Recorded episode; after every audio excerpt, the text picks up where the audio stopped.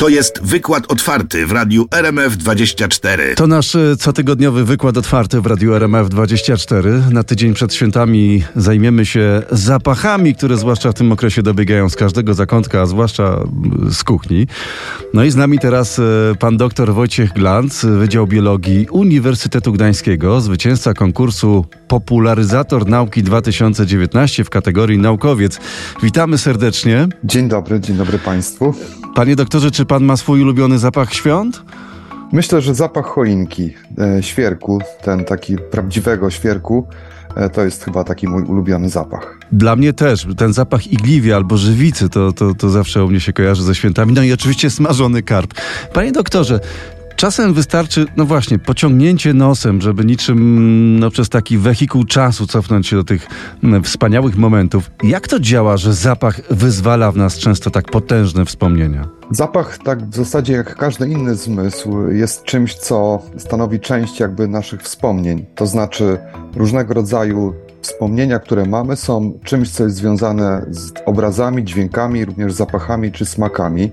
No i można powiedzieć, że w zależności od tego, jakby co dominuje w takim wspomnieniu, no to ten zmysł, który jest jakby najbardziej aktywny, jest tym, który pozwala nam wydobyć to wspomnienie e, wtedy, kiedy widzimy, słyszymy, czujemy e, coś, co właśnie związane jest z tym wspomnieniem. Czyli można powiedzieć, że pewne takie węzły, które stanowią wspomnienia, te ślady pamięciowe, które tworzą te wspomnienia, są związane z różnymi zmysłami i w związku z tym, kiedy pojawia się coś, co jest wspólnym elementem tego, co widzimy teraz i tego wspomnienia, no to w ten sposób nasz mózg może wydobyć e, z tej pamięci to wspomnienie, właśnie korzystając jakby z takiego znacznika. Wtedy klik i zaskakuje i coś się pojawia w naszej, w naszej głowie, w naszej świadomości, w, w naszej wyobraźni. Panie doktorze, chyba y, dopiero pandemia koronawirusa zwróciła mocniej naszą uwagę na zmysł węchu. No bo jednym z jego skutków była właśnie utrata węchu i y, utrata y, smaku. Jak działa nasz zmysł węchu? Zmysł węchu to są chemoreceptory, które zlokalizowane są w nabłonku tym węchowym, e, w naszej jamie nosowej.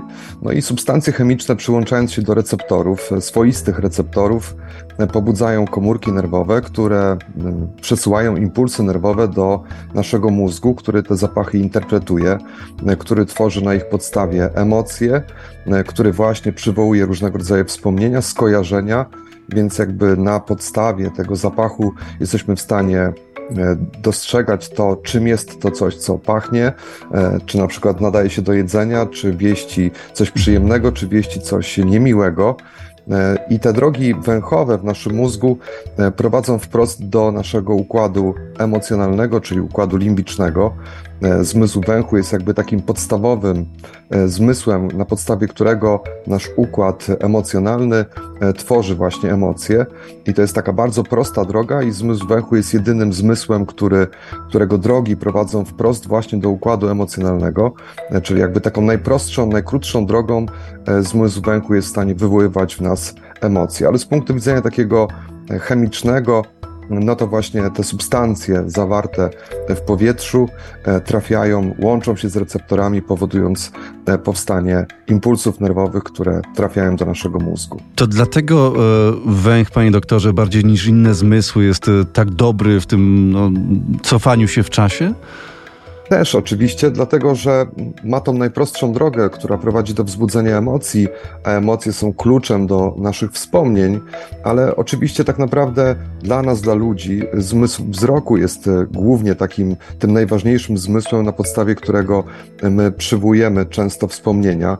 Widząc różne przedmioty, e, my możemy jakby wydobyć z naszej pamięci to, czym one są, jakie mają znaczenie oraz jakby z czym są związane, kiedy żeśmy je widzieli, kiedy żeśmy je używali e, i w ten sposób jakby ten zmysł wzroku dla nas najważniejszy e, jest tym głównym źródłem jakby tego, jak rozumiemy świat, jak, jak go postrzegamy i jak na niego reagujemy.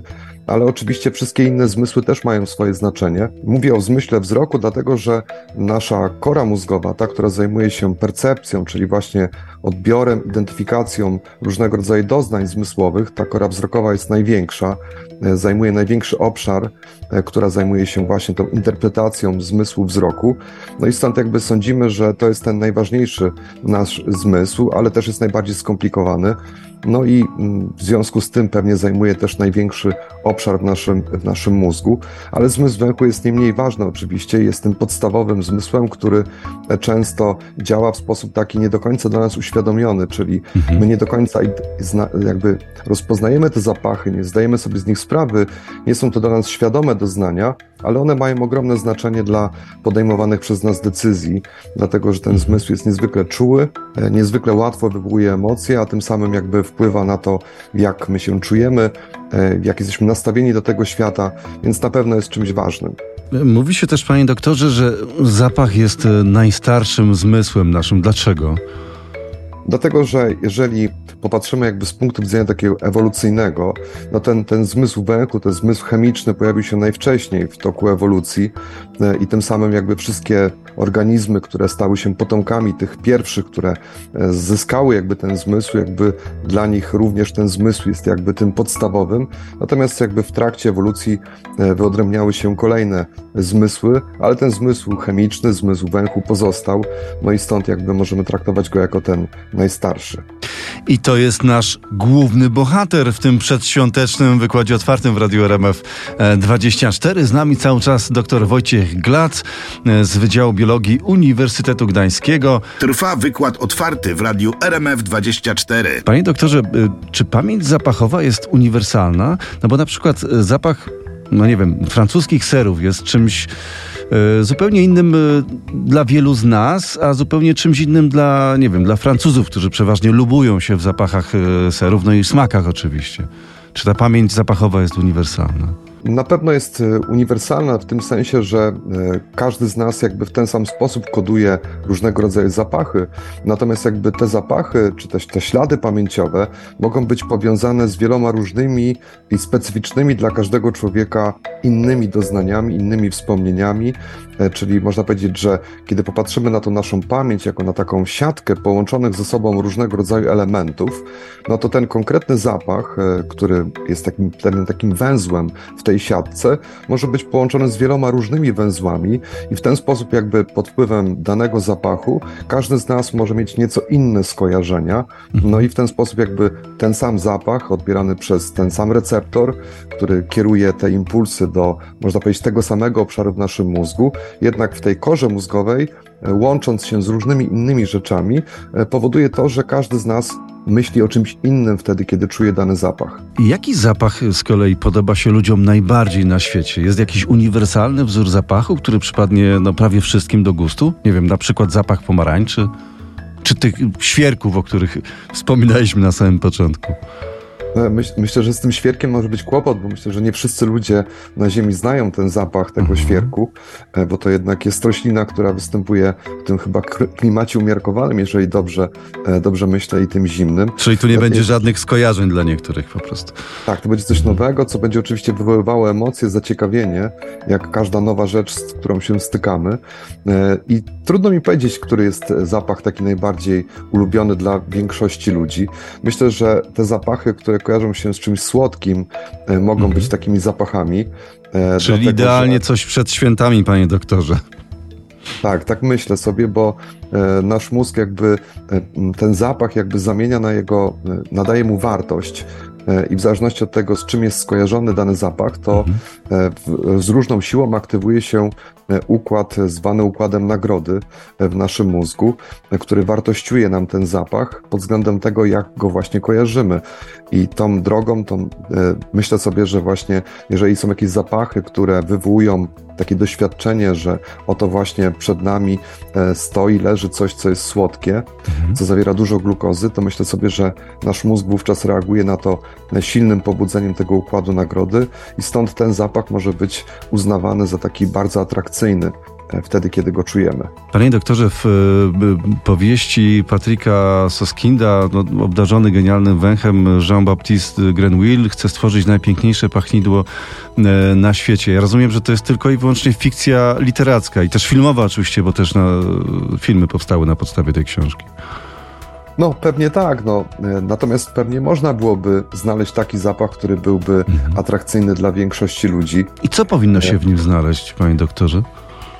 No myślę, że e, idąc tym tropem tego pachnidła, jeżeli dobrze, Mhm. jeżeli dobrze kojarzę tą, tą powieść, no to zapach człowieka myślę, że jest takim zapachem, który może nam wywoływać e, w naszych mózgach przyjemne doznania, dlatego że jednak inni ludzie dla nas, dla ludzi, e, są czymś, co wywołuje pozytywne e, emocje, te przyjemne emocje. I tym samym myślę, że takim ważnym składnikiem tego zapachu byłby zapach człowieka, naszej skóry, naszego potu, jakkolwiek dziwnie to brzmi, to jednak to jest ten zapach, który my identyfikujemy jako, że to jest ten nasz, jesteśmy, to jest ten swój, e, czyli to coś, co wywołuje poczucie bezpieczeństwa, co wywołuje przyjemne e, emocje, które związane są właśnie z tym, że spotykamy e, kogoś, kto jest dla nas potencjalnie przyjacielem, a nie wrogiem. Panie doktorze, a co z y, feromonami i co z y, zapachami, które no, wyjątkowo uwodzą na przykład kobiety, a zapachami, które uwodzą mężczyzn najbardziej? Jeżeli chodzi o, o feromony, to jest jakby taka dyskusja na temat tego, czy my jesteśmy w stanie je w ogóle odbierać, Mhm. dlatego że co prawda jest taka droga nerwowa e, dotycząca właśnie feromonów, czyli przenosząca informacje o tych feromonach do naszego mózgu. E, Ona kończy się w strukturach układu emocjonalnego, limbicznego, w strukturach, które zarządzają również naszym popędem seksualnym, a więc jakby są różne dane, które w różny sposób wskazują na to, jak bardzo my, ludzie, jesteśmy wrażliwi na feromony i jak bardzo one są w stanie wywoływać w nas takie reakcje, można powiedzieć, seksualne, czyli związane z zalotami, z miłością, z zakochaniem, e, z tą sferą taką seksualną i stworzeniem więzi.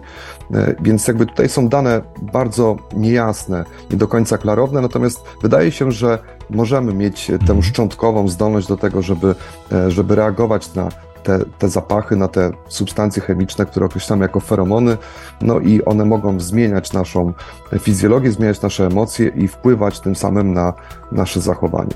Czasami spotyka się um, perfumy z feromonami. Można coś takiego faktycznie przygotować, czy niekoniecznie, że to jest jakieś mrugnięcie okiem?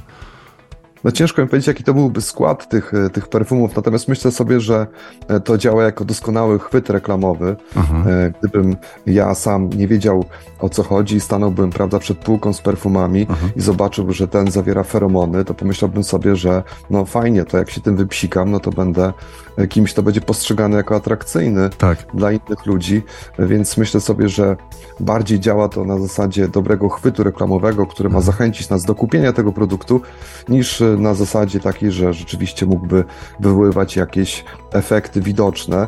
Jakkolwiek oczywiście tego nie wykluczam, e, że tak mogłoby być e, Mhm. i może tak jest. Czyli jako naukowiec nie, wy, nie wyklucza pan tego, że można stworzyć taki zapach, którym można się popsikać na przykład i wtedy e, wiem, mężczyzna staje się bardziej atrakcyjny dla kobiet, a e, kobiety bardziej atrakcyjne dla mężczyzn? Znaczy, nawet gdybyśmy nie odwoływali się do działania feromonów, to same zapachy są czymś, co wywołuje jakieś doznania takie emocjonalne, które możemy określić, że ktoś pachnąc w jakiś sposób jest atrakcyjny dla drugiego człowieka, a więc jakby dobór tych e, perfumów, e, które, które wybieramy, które kupujemy, jest czymś, co wpływa na to, w jaki sposób e, ktoś świadomie albo nieświadomie postrzega nas i naszą atrakcyjność. Więc jakby zapach ludzi różny, e, który mamy, jest czymś, co powoduje, że jedne osoby wydają się być pod wpływem tego, mając ten zapach właśnie bardziej atrakcyjne, inne są mniej atrakcyjne. Natomiast jakby ten, ten ktoś, kto wącha, jest e, tą kluczową osobą, która właśnie będzie w stanie, można powiedzieć, powiedzieć, e, czy ta osoba jest atrakcyjna, czy nie. Czyli jakby nie ma takiego uniwersalnego zapachu, który byłby e, czymś, co będziemy postrzegać jako atrakcyjność u drugiej osoby, bo każdy z nas ma pewne własne preferencje, które wynikają z jednej strony z jakiejś struktury genetycznej, która powoduje różną wrażliwość na różne zapachy. Mamy też różne właśnie skojarzenia, od czego zaczęliśmy naszą rozmowę, różnych zapachów z różnymi miłymi i niemiłymi rzeczami, e, które to skojarzenia powodują właśnie, że ktoś nieświadomie zupełnie, pachnąc w jakiś sposób, który nie do końca zro- zrozumiały dla nas, jakby sposób właśnie kojarzy nam się z czymś miłym bądź niemiłym, e, to wszystko sprawia, że ta kompozycja zapachów i te skojarzenia, które są z nimi związane, sprawiają, że e, zupełnie nieświadomie i nie rozumiejąc dlaczego, e, czując pewien zapach, na przykład zapach człowieka. Możemy powiedzieć, że ten ktoś nam bardziej odpowiada lub mniej odpowiada. E, przy czym pamiętajmy, że oczywiście te zapachy to jest tylko jedna z, jeden z elementów, na podstawie których my oceniamy e, ludzką atrakcyjność i to, czy, jest, e, czy jesteśmy wobec niego nastawieni otwarty sposób, czy taki zamknięty. Więc te zapachy oczywiście mają znaczenie, mają wpływ na nasze emocje i na nasze zachowanie i podejmowane przez nas decyzje. Natomiast z reguły oczywiście nasz mózg kieruje się wszystkimi zmysłami i całą tą kompozycją emocji, które na ich podstawie powstają a tym samym trudno jest jakby znaleźć e, tylko ten klucz dotyczący wyłącznie zmysłu zapachu w takim prawdziwym życiu. Mhm. Oczywiście w badaniach laboratoryjnych można to uzyskać, czyli kiedy zasłonimy komuś oczy i damy do dyspozycji tylko i wyłącznie zapachy, no to wtedy będziemy mogli badać atrakcyjność różnych zapachów. Mhm. Natomiast jakby w życiu... Konfrontacja z tak rzeczywistością. Mhm. Ale często jest e, tak, że na przykład czujemy jakiś zapach i wtedy mówimy, ależ ona pachnie, ależ on pachnie. I zaczynamy sobie wyobrażać tę osobę, wydaje nam się coraz bardziej atrakcyjna, a potem e, to, ta konfrontacja z rzeczywistością, kiedy nagle z za rogu ta osoba wyjdzie, bywa zupełnie inna. No tak bywa. No właśnie to jest, to, to jest ten, ta sytuacja, o której mówiłem, że gdyby tylko zmysł zapachu decydował o tym, e, kogo będziemy wybierać na naszych partnerów, partnerki, no to by tak było pewnie, że po tym zapachu byśmy się zakochali i e, byśmy byli oddani e, komuś niesamowicie mocno. Natomiast no, zmysł wzroku, e, także zmysł ten słuchu, prawda, i wszystkie inne zmysły są niezwykle istotne z punktu widzenia właśnie tego, jak oceniamy atrakcyjność i ludzi, i różnych innych przedmiotów. Więc cała kompozycja się liczy, nie tylko zapach. Wspominaliśmy, panie doktorze, o mm, zapachu, który uwodzi kobiety, mężczyzn, a zapach benzyny? Bo to jest taki zapach, który no, z wieloma facetami, jak rozmawiam, to oni mówią: Słuchaj, ja wiesz, uwielbiam e, zapach benzyny. Przecież on jest tak poza wszystkim niezdrowy, ale skąd to się bierze? Na przykład, że nie wiem, że, że my ludzie, zresztą niektóre panie również, uwielbiają zapach benzyny. No z jednej strony możemy powiedzieć, że jest to związane z jakimiś naszymi zainteresowaniami. Ja sam jako mały chłopiec e, razem z moimi kolegami uwielbialiśmy stawać przy rurach wydechowych samochodów, e, mhm. które gdzieś tam na parkingu odpalone miały silniki, żeśmy wdychali ten, e, ten zapach tej palonej benzyny. Skąd ja to Ale... znam, panie doktorze? Tak, to są te zabawy z dzieciństwa. Nie wszystkich oczywiście. Natomiast teraz wywołał pan we mnie miłe wspomnienia dzieciństwa i wcale nie są związane z, to, z, tym świerkiem, tylko jak widać z tą paloną benzyną. A jednak. W każdym mamy, razie mamy ten podobnie. zapach zapach benzyny jest e, atrakcyjny również dlatego, że e, te związki, te węglowodory mogą, niektóre z nich przynajmniej mogą być odurzające i wywoływać mm -hmm. efekt e, pobudzenia w naszym mózgu właśnie układu nagrody, stąd jakby zupełnie nieświadomie możemy wybierać te zapachy, te substancje chemiczne, które dostając się przez nasze płuca do naszego mózgu, mogą wywoływać w tym mózgu pobudzenie właśnie związane z tym układem nagrody. E, które daje nam uczucie przyjemności i w ten sposób jakby e, tak troszkę naokoło i tak podstępem niektóre substancje chemiczne mogą e, wywoływać, wywołując w nas te miłe doznania, mhm. mogą być zakodowane właśnie jako atrakcyjne i możemy do nich wracać. Czyli coś w tym jest, panie doktorze, że ten zapach benzyny bywa uzależniający. Uważajmy. Trwa wykład otwarty w radiu RMF24. Z nami cały czas na łączach pan dr Wojciech Glanc, Wydział Biologii Uniwersytetu Gdańskiego. Rozmawiamy tuż przed świętami o zapachach. Panie doktorze, czy e, zapachy mogą wpływać na nasze zachowania? Wy wykorzystują to choćby na przykład sklepy w tym czasie, wiadomo, przedświątecznym i nie tylko zresztą. Teraz jest ta gorączka, taki miły zapach przyciąga do stoiska. Często się mówi, że na przykład zapach pieczywa to jest ten zapach, który zawsze działa na nasze zmysły pozytywnie. Tak, no to jest związane oczywiście z tymi skojarzeniami, e, które mamy, e, czyli czując właśnie zapach, e, ten zapach wzbudza pewne emocje po pierwsze, a te emocje są uzależnione od tego, jakie mamy skojarzenia z danym zapachem, czyli jakby sam zapach oczywiście również może wywoływać emocje sam z siebie, natomiast bardzo często te dodatkowe emocje, które powstają w naszym mózgu pod wpływem zapachu są związane właśnie z tymi skojarzeniami. E, czyli ten zapach pieczywa kojarzy nam się z pieczywem i to oczywiście kojarzy się z pokarmem, czyli z czymś odżywczym. No i nasz mózg reaguje właśnie e, pobudzeniem tym emocjonalnym, przyjemnym. E, układ emocjonalny nadaje temu zapachowi tak zwany pozytywny znak emocjonalny. My czasami przechodzimy, my, panie doktorze, koło piekarni i czujemy ten zapach i od razu przymykamy oczy i ależ to pachnie cudownie. Ależ bym zjadł coś. Tak, to oczywiście przywołuje też ten smak tego pieczywa, takiego, prawda, tego dźwięku, chrupania, tej mhm. skórki e, twardej, takiej świeżego, świeże, świeżo upieczonego chleba. E, no i to powoduje właśnie, że nabieramy ochoty, bo emocje wzbudzają w nas również, e, pobudzają układ nagrody, właśnie, który stanowi zachętę do działania, e, czyli stajemy się zmotywowani do tego, żeby nabyć coś, co będzie związane właśnie z tym jedzeniem, czyli albo chcieć kupić jakąś świeżą bułkę, kupić chleb, lub po prostu jesteśmy pobudzeni jesteśmy zmotywowani, mamy lepszy nastrój, a tym samym to wpływa na naszą skłonność do zakupów po prostu. E, mhm. Czyli jakby pod wpływem zapachu, wywołując pobudzenie układu nagrody, to wpływa na to, że jesteśmy bardziej zmotywowani do tego, co robimy, mhm. bardziej otwarci, bardziej pozytywnie nastawieni, a tym samym jakby bardziej atrakcyjnie postrzegamy wszystko to, co nas otacza również. Czyli taki zapach pieczywa może powodować, że ten ktoś, kto jest na zakupach, będzie bardziej atrakcyjny, jako bardziej atrakcyjny postrzegał wszystko to, co widzi wokół siebie, czyli mhm. będzie skłonny do tego, żeby wrzucić do swojego koszyka więcej produktów, dlatego że tak po prostu będzie widział w nich większą wartość. Teraz to bym przekąsił, panie doktorze, jakąś świeżą bułkę z masłem. A jak tę wiedzę wykorzystać na co dzień, panie doktorze? Jaki, jaki zapach na przykład może nam pomóc, y, nie wiem, w lepszej pracy? No tutaj każdy musi zapytać siebie, mhm. E, jakie zapachy kojarzą mu się z czymś miłym, jakie zapachy przywołują miłe wspomnienia. No i właśnie dobierając taki zapach e, gdzieś tam w naszym otoczeniu, e, będziemy w sposób automatyczny powodować, że będziemy mieli lepszy nastrój, będziemy mieli fajniejsze emocje związane właśnie z tym wspomnieniem. No i to będzie powodowało, że po prostu będzie nam milej. Milej mhm. wtedy, kiedy będziemy czuć ten zapach właśnie. Panie doktorze, y, jak idziemy na przykład do perfumerii, to jesteśmy atakowani z każdej strony jakimś y, zapachem. No z reguły są to miłe zapachy. Ale jak je rozróżniać? Bo wiemy, że też w pewnym czasie tracimy tę zdolność tego y, dobrego naszego węchu. Jak sobie radzić? Co pomaga? Czasem mówi się, że nie wiem, zapach kawy na przykład pomaga, żeby potem lepiej rozróżniać te inne zapachy. Na pewno wtedy, kiedy zapachów jest dużo, to tracimy taką, można powiedzieć, zdolność do rozróżniania. Mhm. E, to oczywiście tak samo dotyczy każdego innego zmysłu.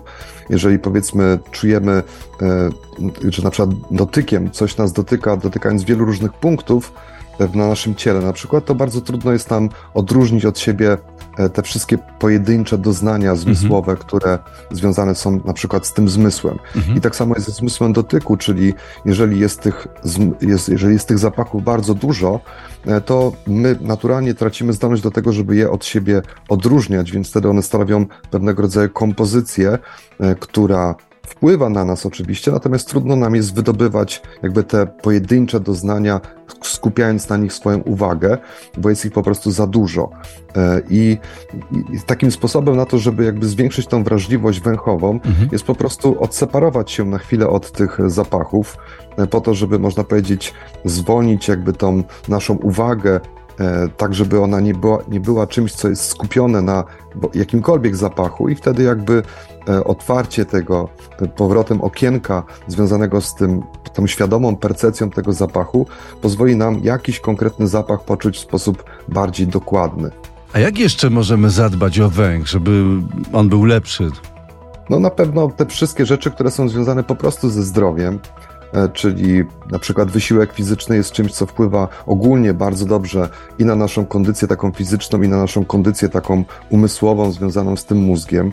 E, wiemy, że w tym naszym mózgu, właśnie w tych, e, w tych częściach kory mózgowej, które związane są z zapachami, z rozpoznawaniem zapachów, z węchem, i z, również z pamięcią. To są te jedyne obszary naszego mózgu, w którym przez całe nasze życie dochodzi do powstawania nowych neuronów. Mhm. Te nowe neurony które powstają, muszą się odpowiednio połączyć z innymi neuronami, a żeby to działało i żeby to było trwałe, żeby to wszystko sprawnie działało, potrzebujemy tak zwanych czynników wzrostowych, których, mhm. E, które aktywują się właśnie szczególnie dobrze wtedy, kiedy jesteśmy aktywni fizycznie.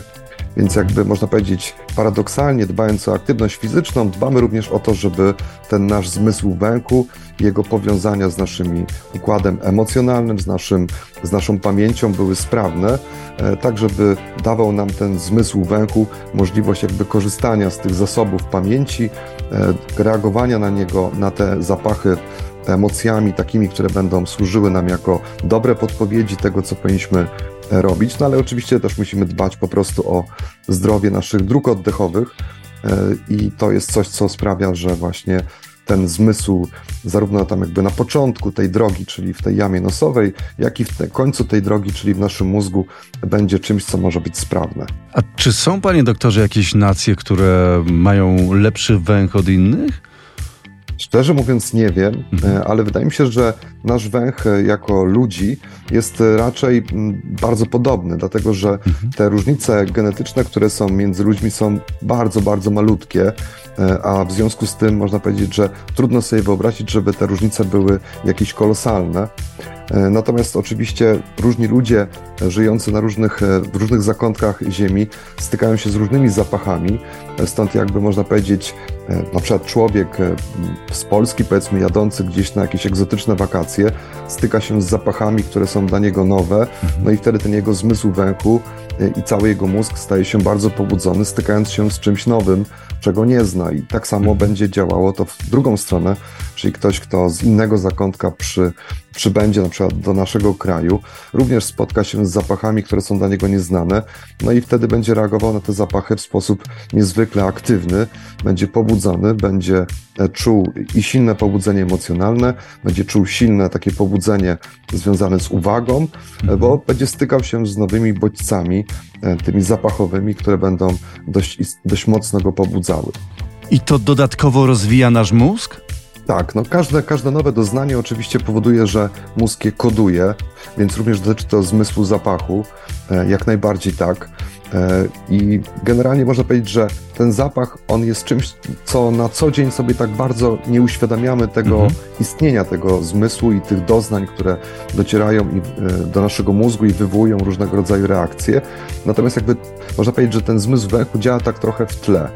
My go nie doceniamy, ponieważ nasz mózg z reguły zwraca uwagę tą świadomą na te wszystkie rzeczy, które postrzegamy naszym zmysłem wzroku, słuchu.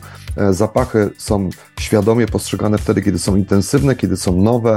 E, Natomiast jakby tak troszkę można powiedzieć, że ten zmysł nasz mózg traktuje po macoszemu, nie, kiedy nie- powoduje, że zwracamy uwagę szczególną na te zapachy. Natomiast one oczywiście mają wpływ ogromny na funkcjonowanie naszego mózgu, ponieważ właśnie zapewniają nam jakieś tam pobudzenie emocjonalne. Więc dobierając jakby te kompozycje zapachowe, które nas otaczają w sposób taki świadomy, e, możemy zadbać o to, żeby te emocje, które nam towarzyszą w różnych miejscach, były emocjami, które są przyjemne, e, które, których chcemy, e, mogą sprawiać, że będziemy mieli lepszy nastrój, będziemy w stanie bardziej się skupić, będziemy w stanie się bardziej zmotywować do działania, właśnie korzystając z takich rzeczy, które są nie do końca uświadomione, czyli tych zapachów, a- ale które mają, mimo że nieświadome, to jednak e, dość duży wpływ na funkcjonowanie naszej sfery emocjonalnej i również tej poznawczej, e, jakby idąc dalej, biorąc pod uwagę to, jak emocje wpływają na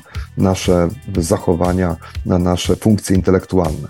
A czy w tym czasie, to już tak na zakończenie, panie doktorze, zwłaszcza kiedy słońca za oknem e, niewiele, możemy sobie jakoś poprawić nastrój jakimś konkretnym zapachem? No, każdy powinien wybrać ten zapach, który lubi. Taki zapach, który przywołuje właśnie te miłe wspomnienia, który dobrze się kojarzy. E, No i w ten sposób jakby możemy dbać o to, żeby poprawić ten nastrój, który może być obniżony, osłabiony z powodu na przykład chociażby tego, że tego światła trochę nam brakuje. E, To światło ma ogromne znaczenie dla takiego, można powiedzieć, podstawowego działania naszego mózgu, na działanie systemów, które nas aktywują, e, które wpływają na regulację naszych emocji. E, Więc e, jak jest malutko światła, to z reguły mamy taki mały lub większy problem z tym, żeby te nasze emocje e, były czymś, co jest, trzymamy na wodzach e, na wodzy, żeby one były takie przyjemne. Mamy skłonność do tego, że raczej postrzegamy bardziej niż latem na przykład ten świat jako mniej przyjemny.